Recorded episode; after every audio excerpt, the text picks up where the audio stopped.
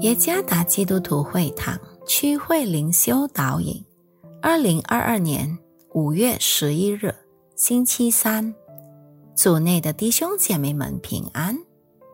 今天的灵修导引，我们将会借着圣经马可福音第六章十七节来思想今天的主题：为真理。作者：真理物牧师。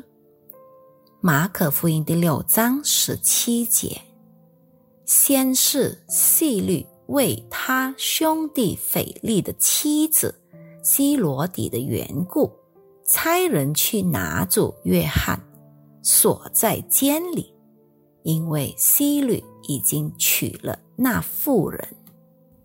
几年前，一些老师不得不遭遇悲惨命运的故事，至今。我们仍然记忆犹新，他们不得不接受嘲笑，被指责自以为是，被迫辞职或被解雇，甚至受到一系列人身威胁。他们做错了什么？原来他们在国考期间勇敢的暴露了作弊的行为。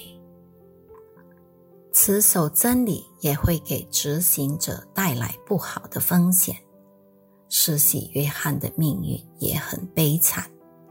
为了一个原则，他逼不得已在监牢里受苦；为了他所坚持的真理价值，他最终也不得已死在一个暴君的手中。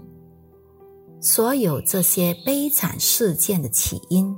都是因为他的勇气和公开指责细律夺走他兄弟的妻子希罗底。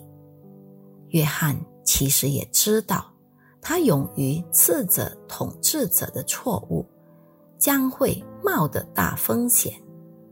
对于约翰来说，他宁可自己受苦，也不愿意看到别人因罪而受苦。